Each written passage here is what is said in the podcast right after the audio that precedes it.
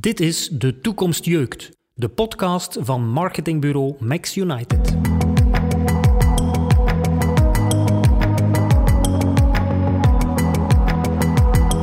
Kurt Ostin en Cies Scherpreel in gesprek met experten en ondernemers die prikkelen met hun visie over marketing en ondernemerschap. Dit is toekomst kijken. Ik heb ook geen glazen bol. Ik wil daar heel voorzichtig in zijn. Vandaag met Philippe Lemaitre, in een ver verleden medeoprichter van het onderzoeksbureau Trendwolves en nu met bureau 50 helemaal in de ban van 50 plus marketing. Onlangs verscheen zijn whitepaper met 20 trends voor 2020.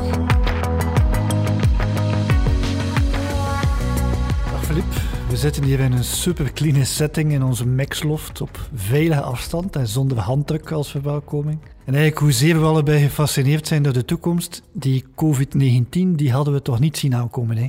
Het is zeker niet mijn ingesteldheid om op die manier naar de toekomst te kijken, door bevriesd naar de toekomst te kijken. En dit had ik inderdaad totaal niet zien aankomen. En nogthans, corona, we gaan er veel kunnen uit leren. We moeten op een andere manier werken. We stellen heel wat zaken in vraag. En ik denk dat corona ons wellicht uh, zal een inbreuk hebben op, op de wijze waarop we, dat we vandaag leven, waarop we vandaag werken. Ik ken je natuurlijk al heel lang. Aanvankelijk bij Superpapa's. Hè. Toen waren we bezig rond uh, de, de, jonge papa's. Later heb je je verdiept in die jongerentrends hè, met trendwolves. En dan nu, uh, jouw interesseveld is volledig veranderd, de 50-plussers. Uh, hoe is dat eigenlijk gekomen? Eigenlijk is het begonnen met, met ooit eens een cover op Knak Weekend. Een cover met daarop twee schaars geklede dames in lingerie van La Fido. En als gezonde man ga je daar natuurlijk wel eens in bladeren. En mijn aandacht werd tenslotte getrokken door een artikel, een reportage van een cruise naar IJsland. En de dame die de cruise moest verslaan, stelde vast dat daar eigenlijk hippe trendy 50ers en 60ers aan boord gingen, gewapend met, met een iPhone en een iPad en een trendy koffer. En dat dat er eigenlijk niet zo oudbollig en vermuft aan toe ging op die boot. En op het einde van het artikel, ik herinner het mij nog goed, stelde zij plotseling vast dat zij eigenlijk ook een van die vijftigers en zestigers was, waarvan men eigenlijk aannam dat zij een senior was. En van senioren denken wij heel snel dat dat inderdaad mensen zijn die achter de Sanseverias de dag doorbrengen, wachtend tot thuis op tv verschijnt enzovoort. En dat bleek helemaal niet waar te zijn. En eigenlijk was dat voor mij ook een eye-opener, want ook ik behoorde tot die leeftijdscategorie en ik vond ook niet van mezelf dat ik thuis hoorde bij die senioren. En dat is eigenlijk de aanleiding geweest om eigenlijk het geweer van schouder te veranderen en eigenlijk uit Trendhoef te stappen en met een nieuw bureau te beginnen, maar nu met een focus op vijftigers en op zestigers, die in mijn ogen geen senioren zijn, of die zich in elk geval niet zichzelf als senioren beschouwen. Op de website van Bureau 50 lezen we inderdaad dat Philippe en zijn companen ons kunnen helpen de oudere generatie beter te begrijpen. En zo schrijven ze: Zo kunt u hen beter bereiken, betrekken en bedienen. En straks ook aan hen binden. Het lijken wel de vier B's van de seniorenmarketing. En daarbij legt Philippe meteen de nadruk op de vier levensfases. Toen ik inderdaad uh, met aanvankelijk bureau 50 was aanvankelijk de Silver. Daar, uh, dat is de naam waarmee het bureau is gestart. Wat onderzoek begon te doen, stelde ik inderdaad wel vast dat het leven eigenlijk ingedeeld is in drie levensfases.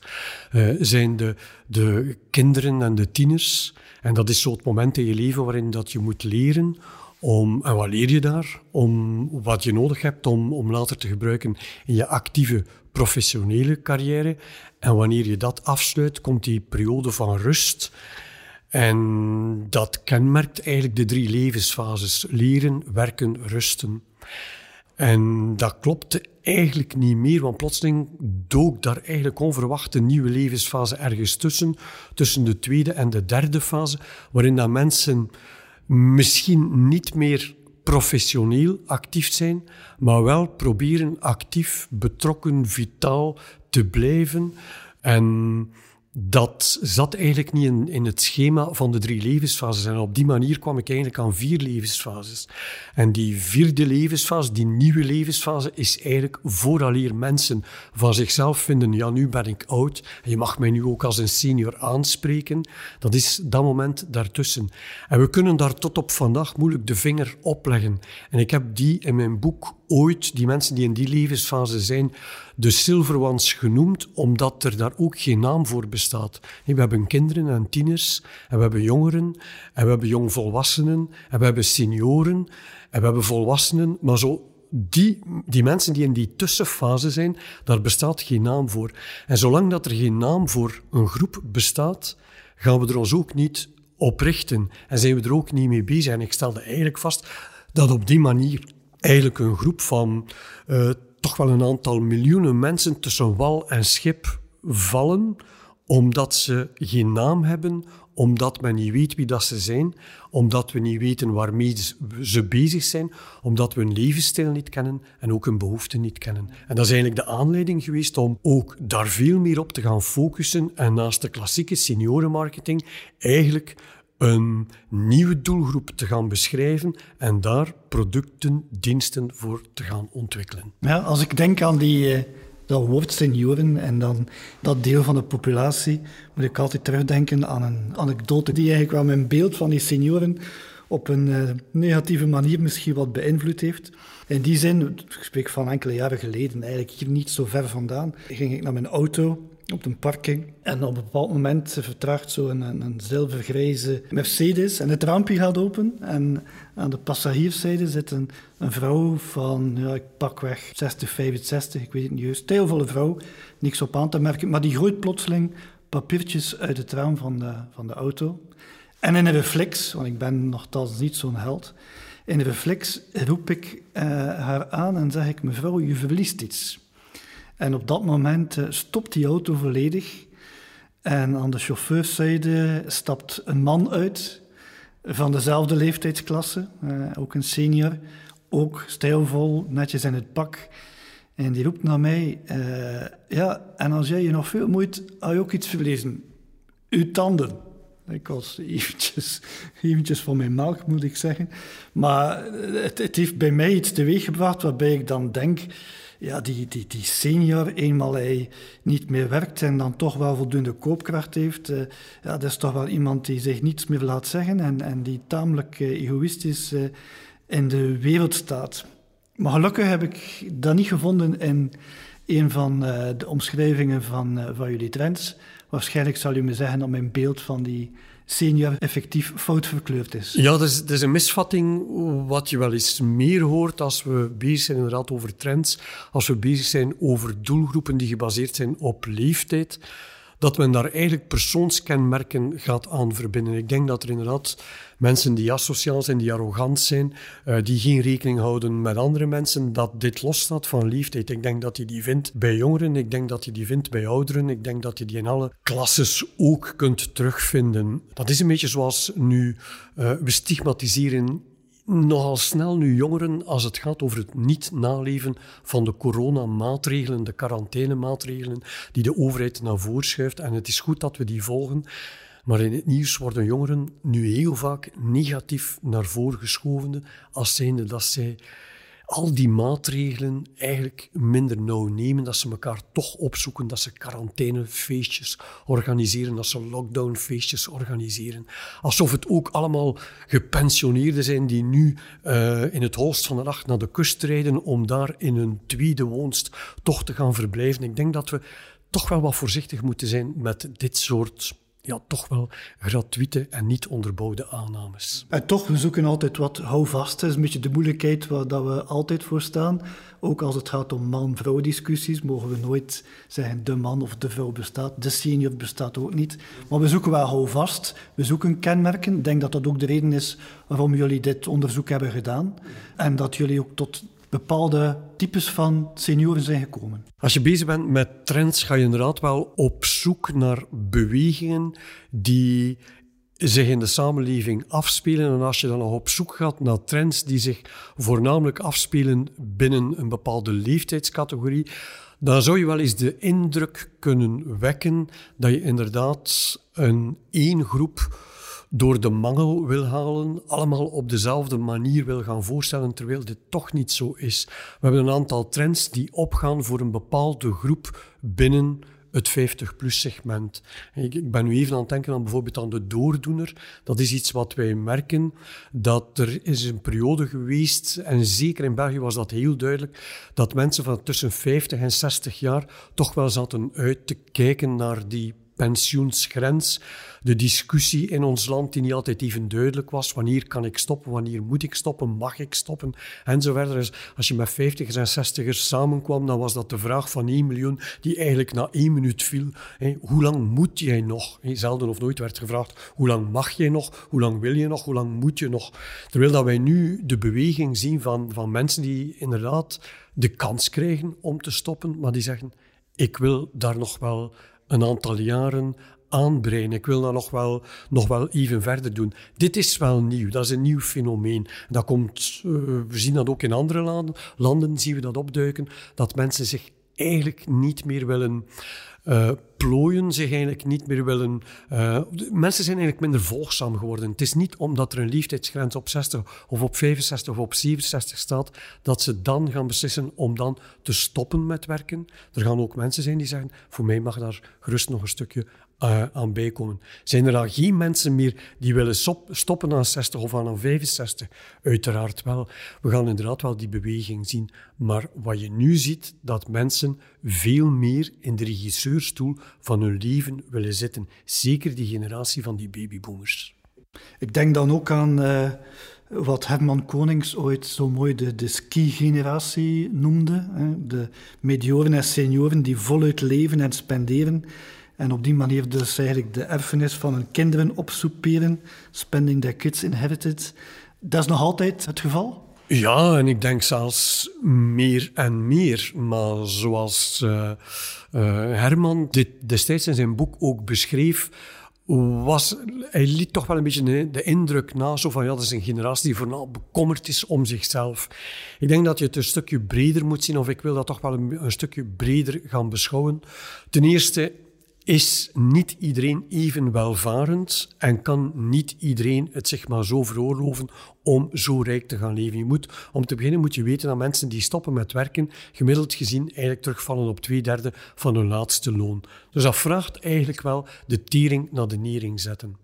Mensen blijven vandaag ook langer leven, blijven inderdaad ook langer consumeren. Vroeger had je de houding van arm leven om rijk te sterven. Als je, nu zou je het gerust kunnen omdraaien. Hè? Rijk leven om arm te sterven. Op de einde van de rit hoeft er eigenlijk niets meer over te zijn.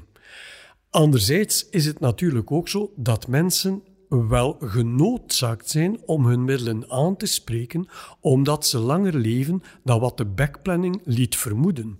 Dus als men denkt van inderdaad, ja goed, ik maak een backplanning tot ik 80, 81, 82 ben, de levensverwachting bij geboorte, dan zou men wel eens zich van een aantal jaren kunnen misrekenen. Als je tegen de 60 bent of als je 60 bent, dan ligt je levensverwachting om en bij de 85. De grootste groep van mensen sterven in België op, op een leeftijd tussen de 86 en de 87 jaar op dit ogenblik is die groep van mensen ouder dan 90 heel sterk aan het aangroeien. Dat betekent dat mensen, wanneer ze zelfs zorg moeten inkopen, daar een deel van hun eigen vermogen moeten instoppen. En het zou dus kunnen zijn dat ze inderdaad, zelfs volgens die backplanning, zich verkeerd gerekend hebben. Dat de centen bij manier van spreken op zijn en dat ze nog in leven zijn. We hebben daar trouwens ook een, een trend aan gekoppeld. Dat zijn mensen die eigenlijk te lang leven, volgens dat er uiteindelijk middelen beschikbaar zijn. Dus je moet het wel wat breder gaan schakelen. Enerzijds klopt dat inderdaad wel. Mensen blijven actief. En wie actief wil blijven, moet daarvoor centen op tafel leggen. Maar anderzijds leven mensen ook veel langer en besteden ze dus ook veel meer.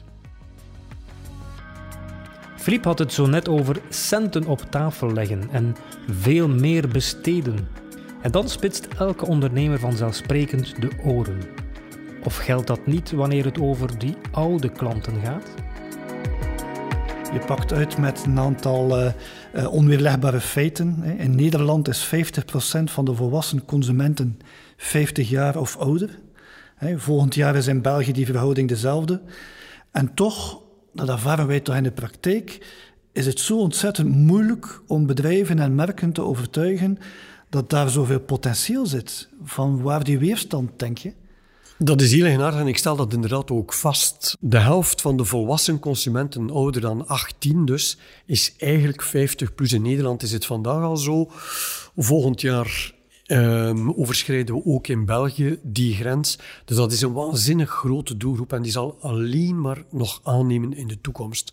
Een groot deel van onze tijd zijn wij bezig met onze klanten te overtuigen van de potentie van die doelgroep.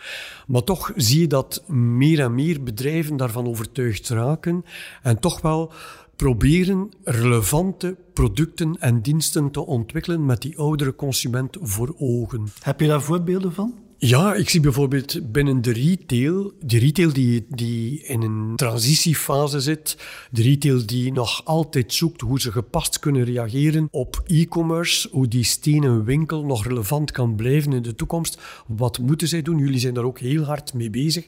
En ik denk dat bijvoorbeeld een van die oplossingen die zij zouden kunnen bieden met retail, is eigenlijk mensen samenbrengen. Een van de grootste uitdagingen voor de komende decennia is de vereenzaming.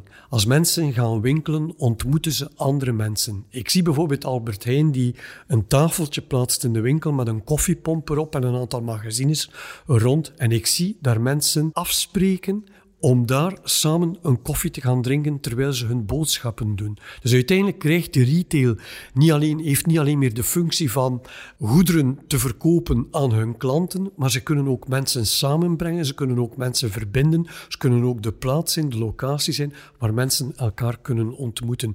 En ik denk dat dat inderdaad in het belang is van Ten eerste van de consument, omdat je als winkelier, en we zien dat nu vandaag ook, en we applaudisseren om acht uur voor de zorg. Ik vind dat we ook misschien eens een deel van dat applaus moeten uh, besteden aan de mensen die nu uh, in de retail ervoor zorgen dat wij nog onze boodschappen kunnen doen en dat zelfs proberen in de meest veilige omstandigheden te kunnen doen. Eigenlijk is de retail op dit moment ook een zorgverstrekker, een zorgverlener. De retail als zorgverlener zo hadden we het nog niet bekeken. En wat zegt dat over onze maatschappij? Daar wou Kurt toch even dieper op ingaan. Misschien een andere insteek als ik terugdenk aan het thema vergrijzing. Dan denk ik eigenlijk aan het boek Revolutionaire Rijkdom van, van Alvin Toffler. Hij schreef dat daar in 1999. En eigenlijk stond uh, Toffler redelijk positief tegenover de impact van de vergrijzing, omdat hij een groot vertrouwen had in de maatschappelijke en economische impact van onbetaalde arbeid. Dat heeft mij altijd getriggerd eigenlijk. Hij begreep niet waarom vrijwel alle economische modellen zich in rekenmodellen beperkten tot die uitwisseling van goederen en diensten met daartegenover de klassieke geldstroom, maar dat die modellen geen rekening houden met onbetaalde arbeid, zoals vrijwilligerswerk, de zorg voor kinderen of voor de ouderen. Dus eigenlijk rekende hij die waarde van onbetaald werk mee en hij was tot de eigenlijk onthutsende conclusie gekomen dat zonder onbetaalde arbeid elk westers land binnen de kortste keer failliet ging. Maar toch was hij hoopvol, want dan had hij andere cijfers die aantoonden dat mensen die op pensioen gingen heel vaak hun tijd besteden aan vrijwilligerswerk. Dat was een belangrijkste tijdsinvulling, ziekenzorg, op de kleinkinderen passen, armoedewerking, parochiale activiteiten organiseren, VZ2's ondersteunen. Dus met andere woorden, die onbetaalde arbeid zou in de toekomst, volgens zijn visie, alleen maar toenemen dankzij de vergrijzing. Dus ten voordele van de maatschappij, ten voordele van de, de staatskas. Nu, als ik dan jullie trendrapport bekijk, dan lees ik vrijwel uitsluitend over de senior die nog volop wil genieten. En daar ook heel erg veel voor over heeft. Hè. Carpe diem, me, myself and I. Het woord vrijwilligerswerk, dus die onbetaalde arbeid, ben ik maar één keer tegengekomen. En dat was dan nog in de context van een, een sabbatjaar in een ver land met als doel jezelf te herontdekken. als dat beeld klopt, dan ziet het er niet zo goed uit voor onze maatschappij. Of hoe zie je dat? Het is een uitdaging waar we als maatschappij inderdaad wel tegenaan kijken, omdat het vrijwilligerswerk, zoals we het vandaag nog kennen, georganiseerd vanuit verenigingen, vanuit organisaties, dat dit enorm onder druk staat. Dat heeft niet alleen te maken met vijftigers en zestigers, dat is voornamelijk iets wat uh, vanuit jongeren voor een stuk is binnengebracht, dat engagement heel vaak tijdelijk van aard is. En bij een engagement hoort ook heel vaak de vraag: what's in it for me? Ik wil het wel doen, maar men wil er ook wel iets voor terugkrijgen. Dat we daar als maatschappij, als samenleving een oplossing voor moeten gaan zoeken, want die noden die op vandaag ingevuld worden door vrijwilligerswerk, die zullen in de toekomst ook blijven bestaan.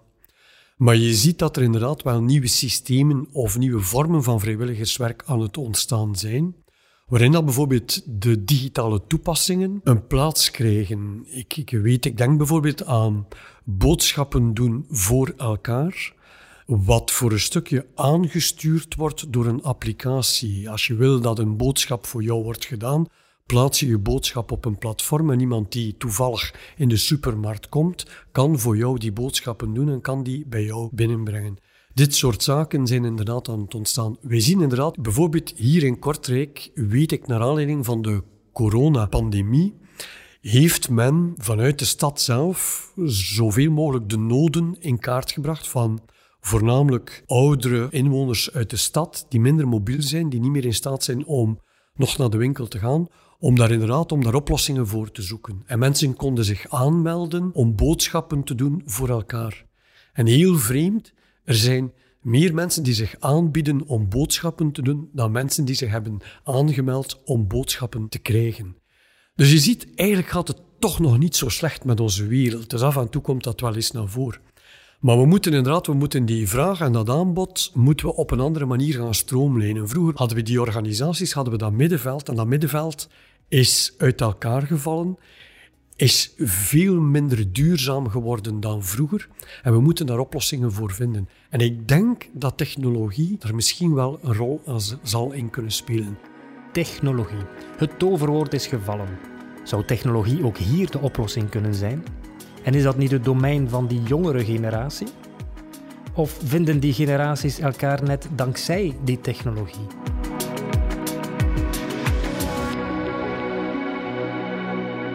Ik vroeg ook aan onze stagiairs, jonge kerels dus, welke vraag die ik zeker aan jullie moest stellen. En uh, een van hen, uh, Jappe, die vroeg zich af of die silver singles of daar geen mogelijkheid was, of, of dat je er in de toekomst niet zou, uh, zou zien dat die ook meer gaan co-housen bijvoorbeeld. Een beetje zoals in, in Friends, hè, nu of de service flats of rusthuizen als laatste ooit beschouwd. Maar dan ben je eigenlijk meteen oud en, en ook oud met een T. Uh, maar misschien willen die mensen nog wel dingen samen doen en samen wonen en, en misschien ook over de verschillende generaties heen co-housing met jongeren en ouderen samen. Bestaan er al zo'n initiatief? Ja, die zijn er inderdaad wel. En, en het is wel iets wat die generatie van de babyboomers al een aantal keren duidelijk heeft laten merken dat de wijze waarop dat nu ouderenzorg wordt georganiseerd, dat die zienswijze, die werkwijze, dat dit op zijn einde loopt. Er was in 2017 al een eerste keer een bevraging daaromtrent waar dat eigenlijk, het was in Limburg, men vroeg aan de 50-jarigen op welke wijze zij die laatste levensfase voor zichzelf zagen. Een, een, een, aantal maanden geleden is eigenlijk door het nieuwsblad een, eenzelfde enquête afgenomen. En elke keer komt het op hetzelfde neer dat eigenlijk het concept van zorg, zorghuizen, zoals op vandaag nog georganiseerd worden, dat die generatie die eigenlijk op de schop neemt. En dan zie je daarnaast zie je nu in de zijlijn nieuwe initiatieven ontstaan. En je ziet inderdaad groepen van mensen die zich gaan organiseren om te voorkomen dat ze later toch wel ergens in zo'n woonzorgcentrum zouden moeten terechtkomen. Dat zijn kleinere groepen. Het gaat heel vaak over mensen die de middelen hebben, maar die bijvoorbeeld langs de Kopure in Gent is er het klooster van de Karmelitessen, is daar aangekocht geweest door een bepaalde groep van mensen. Men is dat daar volop aan het renoveren van een groep van vijftigers en zestigers die daar eigenlijk zich aan het voorbereiden zijn om daar samen die laatste levensfase te kunnen doorbrengen. Als daar ooit hulp zal nodig zijn, dan hebben zij de bedoeling van eigenlijk samen die hulp eigenlijk aan te kopen. Gaat zich dat op grote schaal doortrekken?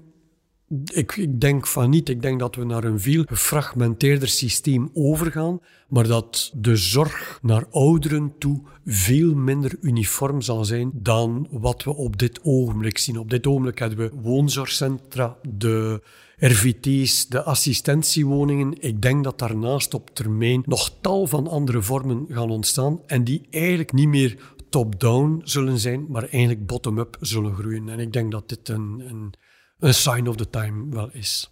Toen ik op de voorstelling was van jullie trends, deed je het verhaal over die knarrenhofjes. Ik vond dat zo'n mooie naam.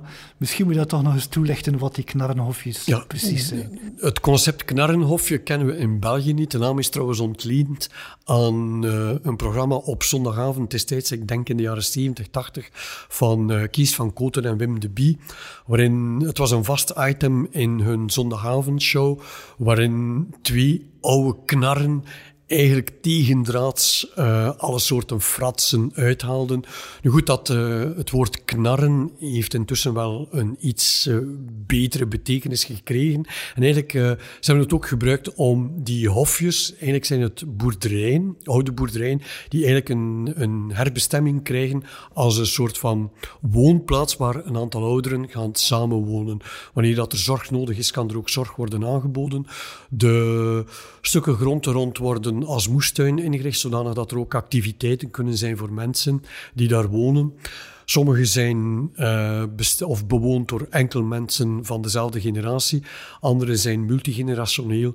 Uh, in Nederland gebeurt er op vlak van wonen uh, al iets meer dan, dan in België op dit moment. Dus we lopen daar ook wel een klein beetje achter. Maar dat is wel interessant om eens te kijken wat er in het noorden gebeurt. Dan kunnen we wel ook daar onze lessen uittrekken. Um, maar dat is heel interessant om, om die knarrenhofjes, zoals ze er zijn, uh, te bekijken. Dan gaan we ook wel daar in België uh, een aantal mogelijkheden van zien ontstaan. Er zijn trouwens al gelijkaardige experimenten, trouwens ook in België. Met succes? Of? Um, dat zijn co-housing trajecten. Dat wordt eigenlijk niet als, als een soort van zorgcentrum aanzien, maar het zijn eigenlijk woonexperimenten waarin mensen van verschillende leeftijden, van verschillende generaties gaan samenwonen. En in het achterhoofd bij het opzetten van die concepten wordt er altijd wel gedacht van, stel dat ik later inderdaad een bepaalde zorg nodig heb, dan kan dat door medebewoners van die co-housing projecten aangeboden worden. Maar dat gaat, dat gaat in twee richtingen. Hè. Er zijn uh, 50 60 70ers die nog wel voldoende actief zijn, gaan bijvoorbeeld op de kinderen passen op bepaalde momenten. Uh, en wanneer dat er zorg moet, moet aangeboden worden aan, aan, aan echt zorgbehoevende ouderen, dan veronderstelt men dat dat inderdaad wel door medebewoners ook zal kunnen gebeuren.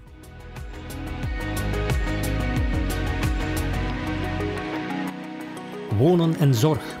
Het zijn duidelijk twee thema's die in de toekomst heel wat aandacht zullen vergen en economische kansen bieden. Kurt wil het met Philippe per se nog over een ander thema hebben. Iets waar Philippe graag omheen lijkt te fietsen. Hoe benoemen we die nieuwe, bijna grijze generatie nu precies? Eigenlijk denk ik dat we ze gewoon niet moeten benoemen, maar we moeten weten dat ze er zijn. In mijn boek heb ik het over senioren en zonder arbitrair te zijn, is dat eigenlijk die groep van 75 plus. Je weet waar, waar ik naartoe wil. En die groep 50, 55 tot 75 heb ik in mijn boek Silver Ones genoemd. En ik heb er ook onmiddellijk bij gezegd, niet dat we nu vanaf morgen een bericht moeten sturen aan alle Silver Ones, want dit gaan mensen even slecht beschouwen als, als zijnde senioren, die gaan dat ook niet leuk vinden. Maar het is handig om te weten dat die twee groepen bestaan. Het is handig, dat is iets wat wij in workshops wel eens doen. Als er een product of een dienst of een communicatie um, voorgesteld wordt, dan durf ik wel eens de vraag te stellen, bij wie gaat dat werken? Gaat dat werken voor senioren? Gaat dat werken voor silver ones? En men snapt dat wel. Men snapt dat wel. Dat is enerzijds dat is die nog actieve, vitale, betrokken, al iets oudere man of vrouw consument. Of is dat inderdaad al iemand die eigenlijk al wat zorgbehoevend is, die wat minder actief wordt, die wat afhankelijker wordt. Want uiteindelijk, die groep van 55 plus, die silver ones, dat is voornamelijk dat is een groep die zeer onafhankelijk nog wil zijn. Die eigenlijk ook, waarvan andere mensen trouwens heel vaak afhankelijk zijn. Hun kinderen, hun kleinkinderen. Kinderen doen beroep op hen om voor die kleinkinderen te zorgen. En anderzijds, die hoogbejaarde ouders kloppen ook bij hen aan, omdat ze af en toe wat zorg nodig hebben. Het woord zorg valt natuurlijk heel vaak in die context, maar uiteindelijk, ook met bureau 50, jullie zijn niet een bureau dat, dat zich bezighoudt met de zorgsector aan zich. Het gaat dan echt wel ook om, om bedrijven, merken. Vandaar toch wel die heel belangrijke vraag, stel dat ik mij als bedrijf, als merk wil richten tot die doelgroep die jullie nu zo uitvoerig hebben beschreven in jullie rapport. Wat is dan eigenlijk heel concreet de belangrijkste les die ik moet meenemen om hen goed te kunnen bereiken? Ik denk dat dat de vraag is die voor elke consument gesteld wordt. Met welke meerwaarde kan ik naar mijn doelgroep toestappen? Welke meerwaarde kan ik die groep bieden? En dan begint dat met kennis van die doelgroep. En dat is voor Bureau 50 is dat duidelijk dat wij elke keer vaststellen dat men die doelgroep eigenlijk onvoldoende kent. Men heel vaak 55 plus is een amalgaan van oude mensen. Oude mensen met een zorgvraag, een zorgnood. En heel vaak gaat men dan op die zorg gaan focussen. En men baseert zich heel vaak op een aantal gratuite aannames als zijnde een zie van tijd en eigenlijk pakken veel geld. En dat zijn twee aannames die zeker niet voor allemaal opgaan. En dus wat wij doen met onze klanten is eigenlijk, ja, in die levensfase waarin die mensen nu vandaag zitten, wat is hun levensstijl? Wat brengt die levensstijl mee van noden, van behoeften? Um, hoe staan ze in het leven? En dan gaan we daar inderdaad ook subsegmenten in gaan maken. Want het is niet zo dat elke 55-plusser of 50-plusser, of, of noem het zoals je wil, op dezelfde manier in het leven staat. Ook daar gaan wij op zoek, kunnen wij daar segmenten in onderscheiden. Kunnen wij daar archetypes voor ontwikkelen? En kunnen wij voor die archetypes, welke producten moeten we daarvoor ontwikkelen? Welke diensten moeten we daarvoor ontwikkelen? Hoe kunnen we hen bereiken? Hoe kunnen we hen betrekken? Hoe kunnen we hen bedienen? En uiteindelijk landen we bij de vijf B's van bureaus 50. En dat gaat, je moet je klant begrijpen, zodat je hem kunt bereiken, betrekken, bedienen en aan je merk binden. Zijn daar heel mooie concrete voorbeelden van, van bedrijven of merken die dit naar uw aanvoelen nu goed doen? Ja, ik heb al het voorbeeld genoemd van Albert Heijn. En ik vind dat, omdat het zo eenvoudig is, uh, ook zo'n goed voorbeeld. Omdat het ook absoluut niet stigmatiserend werkt. Uh, ik ben een aantal keren naar een Albert Heijn gaan kijken op hetzelfde tijdstip. Ik zag daar de mensen die rond de tafel zaten, waren heel vaak ook dezelfde mensen, ook dezelfde generatie. Maar niets sluit uit dat daar ook jongere mensen zouden kunnen eigenlijk aan de tafel gaan meezitten. Maar een ander voorbeeld is bijvoorbeeld is IKEA. Um, IKEA, als je nu de naam noemt, dan roept dat inderdaad het beeld op van een jonge klant. Die daar door de winkel loopt, die daar zijn meubeltjes aankoopt, die daar eventueel wat keukengerei aankoopt, die zijn, zijn, zijn bed daar koopt, zijn kleerkast daar koopt. En eigenlijk denk je daar niet bij dat daar inderdaad ook 50, 60ers, maar ook 70ers rondlopen.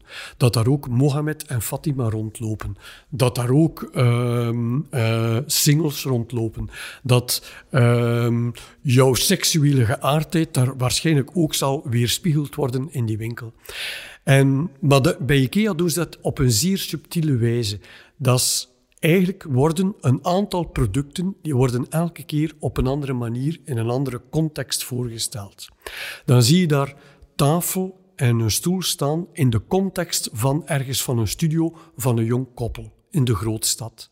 En dat jong koppel zal zeggen, dit is iets voor ons, dat past bij onze levensstijl. En de volgende keer staat dat opgesteld in een andere context. En dat kan een context zijn die misschien aan mijn leven refereert. En waarvan ik misschien tegen mijn, tegen mijn vrouw zou zeggen, dit zou nog wel eens iets voor ons kunnen zijn. En dan inderdaad, en we gaan dat ook meenemen. En misschien ook Mohammed en Fatima, die hebben misschien ook een reflex, omdat het op een bepaald moment misschien refereert aan hun manier van leven en de manier waarop dat zij hun huis willen inrichten. En als je buiten komt bij IKEA, zie je ons allemaal met die veel te grote doos sukkelen om die allemaal in onze koffer te krijgen. En dan zie je, maar dat is heel slim gezien. En dat is eigenlijk wat zij doen. Dat is eigenlijk een... Dat is design for all. Zij ontwikkelen iets dat voor meerdere groepen kan opgaan. Maar zij tonen hoe je het kunt aanpassen aan jouw context. En een tafel die bij mij staat, gaat in mijn context daar perfect op zijn plaats staan. En pak diezelfde, die, diezelfde tafel en plaats die in het appartement van een van jouw dochters en die gaat daar wellicht ook op haar plaats staan. En dat is design for all. En in mijn boek heb ik dat eigenlijk marketing for all genoemd. Ja, heel boeiend. Doe een poging om ons gesprek wat te bundelen tot een conclusie. Eh, maar ik onthoud vooral niet echt focussen op die leeftijd, maar wel op de concrete behoeften die iemand op een gegeven moment heeft. Daar komt het eigenlijk op neer. Daar komt het inderdaad op neer. Merci Filip om te komen en tot binnenkort. Dank je wel, Kurt. Wil je meer vernemen over dit onderwerp? Dan verwijzen we je graag naar onze website maxunited.be, waar een uitgebreider interview met Philippe Lemaitre te vinden is. Ook zijn boek The Silver Ones, Do's and Don'ts voor de 50-plus marketing, is een absolute aanrader. Had je graag de recente whitepaper met de 20 trends ontvangen? Stuur dan een mailtje naar info.maxunited.be en we brengen je graag in contact met Philippe.